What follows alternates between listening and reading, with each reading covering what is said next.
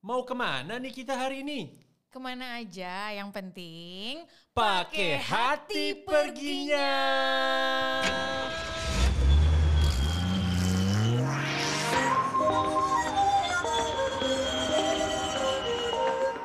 Sana. Meda kamu.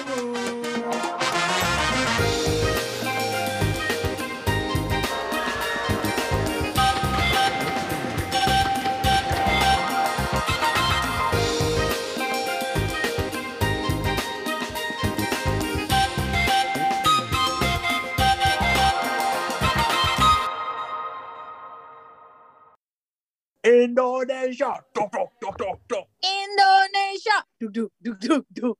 Indonesia. Duk, duk, duk, duk, duk. Indonesia. Duk, duk, duk, duk. Emang gak bisa, lu dangdutan banget tidak hati, dangdut hati. Indonesia dapat emas. Yeah, seneng banget. Kita bawa pulang gold medal kita. Maksudnya gereja Poli sama Apriani bukan kita, bukan, bukan. Tapi kita ngerasa tetap karena dia membela bangsa negara Indonesia, mewakili loh, Bi.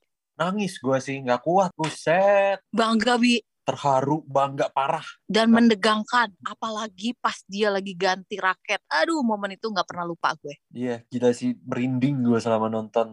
Tapi hari ini juga punya kesempatan yang luar biasa untuk ngobrol sama seorang gold medalist, seorang pahlawan bangsa. Uh, Tapi bidangnya bukan dari bulu tangkis. Karena kita episodenya lagi episode main air nih beberapa minggu ini nih di PHP. Maka dari itu bidang olahraganya ini adalah surfing alias berselancar. Wah, pakai bahasa Inggris aja, surfing, lebih jelas. Mari kita sambut Dea Natasha. Halo. Dea terima kasih sudah mau mampir ke podcast kami yang sederhana ini. Cahila. ya, terima kasih Karena- sudah kan- diundang. Dea Natasha ini ya, buat warga PHP yang tidak tahu ya, harus tahu bahwa kita ini hari ini berbicara dengan seorang gold medalis, seorang pahlawan bangsa. Nusa bangsa dan bahasa. Gold medalis saat SEA Games 2019 mewakili Indonesia di ajang kompetisi olahraga surfing. Tepuk tangan yang meriah, tepuk tangan yang meriah. Tepuk tangan. Nanti ada tepuk tangannya nih. Dia dia dap- Ya. dapat itu dapat hadiah apa aja dari pemerintah? Ya gitu. Lu samain sama Grace Poli ya? Iya, abis gue ngeliat berita Gracia Poli dapat emas lah, dapat eh, Rumah. apa apa Iya. kecantikan, perawatan kecantikan seumur Iya. hidup lah.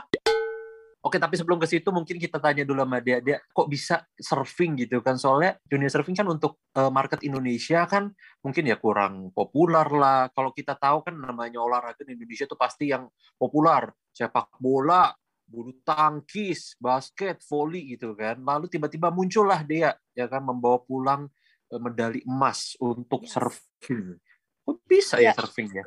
Em, jadi awalnya itu ayah kan jualan di pantai gitu kak, jualan minuman, terus nyewain papan surfing. Jadi dia dari umur 9 tahun itu udah di pantai, terus dia em, pertama cuman main di pinggir-pinggir aja gitu. Terus ayah dia ajarin dia, ayo dia ajak surfing gitu. Tapi dia belum bisa berenang gitu kan.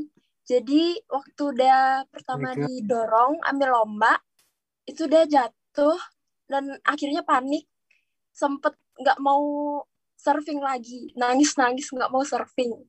Tapi adik dia surfing duluan, terus dia ikut kompetisi, dia menang, iri gitu kak. Wah. Oh, wah. Terus- Sebuah iri yang bermanfaat ya. Iya, terus jadinya dia mau, eh masa adik dia bisa, tapi dia nggak bisa, jadi dia mau belajar surfing lagi gitu. Umur berapa sih dia waktu itu? Dia waktu itu umur 9 tahun belajar. Astaga. Waduh. 9 tahun Abi main got. Iya. surfing sih, surfing juga tapi di got Di bener. got. Oh, tahu depan sih? rumah. Iya Tahu lah, nangkepin- ya, tahu ya. Nangkepin ikan apa tuh waktu itu bilang ikan sepat, sepat. Cere, cere. Terus baunya kalau udah habis kecebur got ya, wah nauzubillah. Eh, tapi ini dia posisi di mana sih? Maksudnya pantainya tuh di mana? Bali bukan? Iya, dia di Bali di Pantai Kuta. Dia belajar pertama di sana. Wah. Wow. Yang lucu adalah sampai akhirnya dikirim ke luar negeri untuk ikut SEA Games. Iya. Nah itu alurnya gimana tuh, Dek, kalau boleh ceritain? Em, jadi kan karena hobi gitu kak, jadi setiap hari dia pulang sekolah, dia langsung ke pantai, dia surfing setiap hari. Dia pertama ikut kompetisi itu mungkin 2011. Nah dari situ dia banyak juga di Bali mulai ada kompetisi terus tiap bulan lagi dulu itu. Jadi dia ikutin terus, dia dapat juara. Terus kepilih di timnas dan akhirnya dikirim ke SEA Games. Oh, jadi Oh. mulai dilirik-lirik sama timnas itu saat dia mulai ikut kompetisi-kompetisi. Wih, keren nih anak nih gitu ya mungkin ya.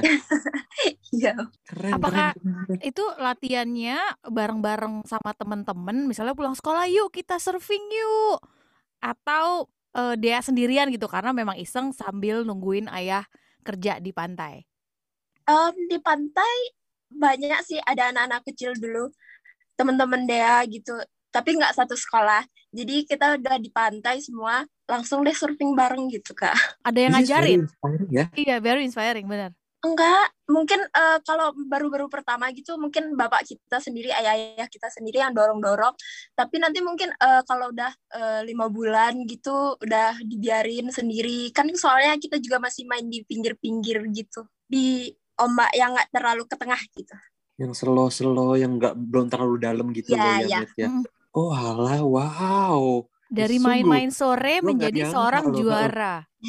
iya Sampai akhirnya keliling dunia kalau lihat dari eh, Instagramnya nih, Iya, Wah, aduh. udah ke ada Amerika Latin, Wah. udah ke Malaysia, Jawa, Lombok, India, Brazil. Aduh, Brazil tuh my bucket list tuh. Thailand. mana kepikiran ya. Coba Iya. coba coba kalau kalau gitu kita mau belajar juga kali ya biar kita kali-kali dikirim ya. Dikirim ke mana? Kirim ke alam baka gitu sama ke mana nih. Kirim ke akhirat. Coba Tapi nggak apa-apa lah, nggak apa-apa. Siapa tahu ada warga PHP kan yang terinspirasi mau belajar surfing terus bisa dikirim kayak dia. Kita belajar dari awal aja nih, Bi. Gimana? Mm-mm. Nah, kalau misalnya untuk belajar pertama kali, peralatan yang dipakai itu apa ya? Jadi kalau surfing itu ada papan surfboardnya Ya, dan fins. Fins Hmm. itu yang sirip yang ada tiga. oke. Eh, grip yang di belakang gitu buat nggak licin. Grip sama wax. Wax itu yang seperti lilin, kelihatannya seperti lilin, tapi bukan lilin. And then dia digosok di papan surfingnya biar nggak licin. Aku denger kan eh, board itu ada dua ya, ada longboard, ada shortboard. Nah, itu Iya. bedanya apa? Kalau longboard itu papan panjang, jadi dia lebih kayak jalan-jalan di board gitu kak. Kalau shortboard itu papan pendek, papan Hmm. pendek itu lebih ke trik misalnya triknya tuh snap, bisa air gitu. Eh, longboard itu kayak lebih santai. Berarti longboard akan dipakai pertama kali untuk para pemula daripada Ya. si shortboard. Karena longboard lebih gampang untuk mencari keseimbangannya. Uh. Oh. Nah, sekarang ukuran. Kalau misalnya shortboard tuh maksudnya eh, bedanya sama longboard apa ya? Dalam segi ukuran. Ukurannya, em, kalau shortboard itu ada dari kalau yang paling kecil mungkin 48 gitu. Sentimeter. Terus eh, bukan fit Oke. ya. Gue gue tadinya udah amazed banget sama lu, Matt. Kayak, uh, paham longboard, paham shortboard. Gue kayak, wah gila podcast PHP bikin media pintar banget. Tiba-tiba drop gue barusan nih. 48 cm tuh emang segini loh. Gimana berdiri? Gimana coba lu pikir papan surfing 48 cm tuh gimana nginjeknya? Coba. Aduh. Aku nervous, Mbak, soalnya wawancara gold medalist. Eh, jadi longboard itu 4,8 feet. No, shortboard kak. Oh, shortboard 4,8 feet. Bermacam-macam Ya. sih kak. Jadi dia pakai size-nya yang 55. 55, 56, 57, 58 itu size dia. Untuk yang pemula mungkin belajar dulu pakai yang eh, longboard gitu ya. Iya. Baru nanti kalau bisa udah ada tekniknya ini udah paham, itu udah paham, mau coba-coba teknik ini itu lainnya bisa masuk mulai yang shortboard. Nah, Iya. kalau namanya belajar itu kan pasti butuh bukan selain peralatan aja ya selain peralatan aja yang kita butuh juga adalah teman-teman Hmm. itu yang bisa paling dukung ya ya kan? Itu biasanya surfing itu komunitasnya gede nggak sih di Indonesia? Ya udah kita bahas Bali aja deh gitu. Aku nggak nggak expect lah di Jakarta atau di kota-kota besar eh, lainnya tuh ada. Kita ngomong di Bali deh gitu. Di Bali tuh komunitas surfingnya gimana ya dia? Jadi di Bali itu kan ada banyak pantai gitu, Kak. Jadi setiap pantai ada komunitasnya. Jadi kayak misalnya di Pantai Kuta, namanya itu Halfway Kuta Boat Rider. Eh, terus kalau di Patma juga ada, di Legian. Jadi di setiap pantai itu namanya beda-beda juga. Oke, jadi kayak istilahnya setiap kawasan punya eh, juragannya masing-masing gitu ya. Kawasan ada Iya. komunitas masing-masing. Kalau dia ikut yang mana? Jadi kalau nanti kita mampir ke warga PHP, mampir ke sana kan jadi bisa nyari. Dia Natasha yang mana? di Pantai Kuta. Ikut. eh, Jadi setiap komunitas tuh kayak sering buat kompetisi sendiri sih kak. Jadi khusus untuk misalnya orang Kuta, jadi orang Kuta aja yang bisa ikut gitu. Terus kita pertama mungkin bayar untuk jadi membernya, tapi mungkin 100 ribu gitu. Terus nanti mereka bakalan buat kontes dan ada family gathering lagi. Oke, jadi sebenarnya seru ya. Eh, tapi rame nggak sih sebenarnya komunitas eh, server di Indonesia ini? Apakah isinya bule-bule aja? Kebanyakan bule-bule Aussie itu pasti itu banyak banget kan? Atau orang Indonesia itu sebenarnya antusiasmenya udah tinggi belum sih ke dunia surfing ini? malah lebih banyak bule terus kalau lokal apalagi yang perempuan itu sedikit sekali sih Nah, kira-kira budget berapa sih yang mesti disiapin untuk semuanya nih? Misalnya ada penyewaan alat kah, atau penyewaan baju kah, atau apa gitu. Biasanya total yang harus eh, seorang pemula siapkan untuk join komunitas surfing di tempat kamu misalnya. Em, kalau baru mau belajar mending nyewa dulu sih kak jadi kalau udah bener-bener suka gitu mau surfing lagi baru beli Kalau boleh tahu harganya berapa ya papannya? yang baru dan paling murah mungkin tiga juta lima ratus soalnya banyak gitu merek kak dan bisa pilih merek apa pun Eh, kalau sewa biasanya mungkin 150 Mendingan untuk pemula sewa dulu, cobain dulu nih sekali dua kali cocok atau enggak. Berbakat atau enggak, patah atau enggak kakinya, ya kan? ih emang emang benar-benar seru banget. Tapi ini kan dia seperti tadi media udah mention juga udah keliling-keliling dunia. Tapi sebelum kita bahas keliling dunia gue mau tahu dulu. Kalau di Indonesia udah keliling surfing ke mana aja tuh? Dan yang paling asoy geboy di mana tuh Eh, belum keliling banget sih kak. Dia baru ke Jogja Lombok Sumbawa sama Jawa Timur. Rumah Dea asalnya Jawa Timur jadinya? Orang Jawa Iya, Timur. Dea Jawa Timur. Oh logatnya Ja- Bali, Tapi Bali banget, ya? banget ya. dari kecil di Bali. Jawa Timur Oh, toh sama. pribadi. Oh, wasabi sama. podo karo aku eh. Janda ngasal beda Aduh, udah Jawa Timur dari mana gua oke dari sekian banyak tadi Jogja Sumbawa tapi kan emang nggak semua pantai di Indonesia bisa disurfingin juga kan anyway gitu. Iya. tapi dari semua yang udah dia pernah sambangi yang paling ce- keces nikmat gitu buat surfing itu di mana Paling di Sumbawa? Sumbawa, ya di Kenapa em, nama pantainya Lake Kipik Apa? Hah? Lake Kipik. Iya Lake Kipik L A K E Y P E A K. Kenapa? Kenapa itu dahsyat banget buat dia? Em, bagus gitu ombaknya terus sepi orangnya. Nggak terlalu rame Ah. kayak di Bali. That's a good point, bener. Tapi sebenarnya sebagai server tuh yang dicari tuh ombak yang kayak apa sih? ombak yang bagus nggak angin gitu. Tapi kadang kontes juga kondisi apa pun tetap harus surfing sih kak main apa pun kondisinya meskipun angin atau ombaknya jelek besar kecil tetap harus surfing sih Harus berani terus terima tantangan ya menghadapi. Iya. Ini benar-benar definisi mengarungi ombak kehidupan ya ini nih, Betul. deh, ini nih.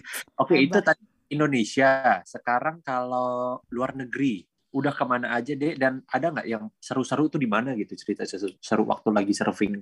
Dia Jepang dua kali sama El Salvador kemarin itu sama tim Indonesia dan itu yang paling seru karena itu kan tim gitu ya kak jadi Oh. terasa kayak jalan-jalan sama keluarga gitu Pertanyaannya, sempet nggak keliling? Atau cuma main di pantai doang? iya bener juga. iya, nggak sem- Em, sempet sebentar kayak lihat ke kotanya, tapi nggak terlalu banyak karena waktunya sedikit. Nah, Hmm. itu dia tuh berarti kan kayak sebuah tekanan, sebuah pressure ketika lu dikasih punya kesempatan untuk traveling, tapi lu punya tanggung jawab lain, yaitu lu sebagai atlet juga kan di situ gitu. Jadi kayak iya kompetisi juga. Jadi mm-mm, udah nyampe tapi aduh nggak bisa explore gitu. Dan di otak Iya. pasti pikirannya adalah besok gue kompetisi, besok gue kompetisi. Gitu gak sih dia? Em, jadi setiap sebelum kontes kita ya harus fokus gitu dan juga ngurangin main HP sih. Oh. Tapi kalau udah selesai kontesnya atau mungkin kita kalah gitu, baru dikasih jalan-jalan. Tapi Oh, kan waktunya juga kok lucu? sedikit. Kok kalau kalah dikasih jalan-jalan? Jalan-jalan. Jadi kalau menang nggak bisa. Bisa dong kalau udah selesai. Oh, kalau sakala soalnya selesai duluan, Bi. Perlombaannya kan masih berjalan terus. Iya. Hmm, sebenarnya sebenarnya ya surfing di Indonesia sama di luar tuh bedanya apa sih dek? Gue nggak ngerti soalnya kan kayak awam banget nih masalah surfing. Gak ada bedanya sih kak, sama aja, sama-sama di pantai. Sama aja ya sebenarnya ya. Sama-sama ombak. Iya, sama-sama. Tapi kalau ombak yang paling menantang buat Dea tuh di negara mana? Kemarin El Salvador sih kak, ombaknya lumayan besar, tapi bagus Iya. juga. Terus dek setelah mendapatkan gold medal kayak gini, what's your next target?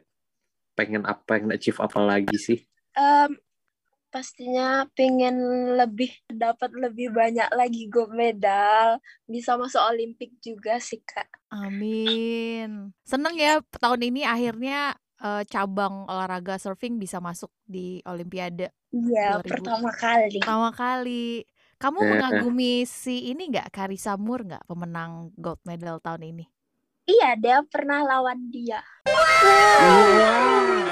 Kan Wow. fotonya Di mana?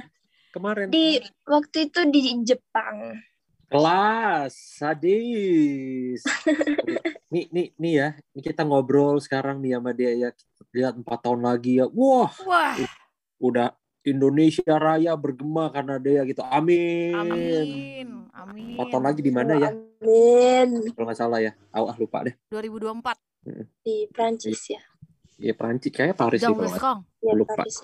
Oke, tapi itu itu tadi targetnya secara achievement, Dek. Kalau misalkan secara eh, tujuan kayak abis ngobrol mungkin pernah ngobrol sama teman-teman di komunitas server juga. Ada nggak target ih gue pengen bisa surfing di eh, pantai mana di kota mana gitu misal atau di pulau mana gitu ada yang pernah ada yang jadi targetnya dia nggak kayak jadi bucket listnya itu Dea gitu Eh, Ada. dia pingin ke Maldives. Sama dia mau ke Mentawai.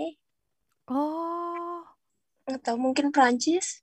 ya udah Jalan-jalan pas ikut Olimpik Olimpik. Prancis. amin Amin. didoain amin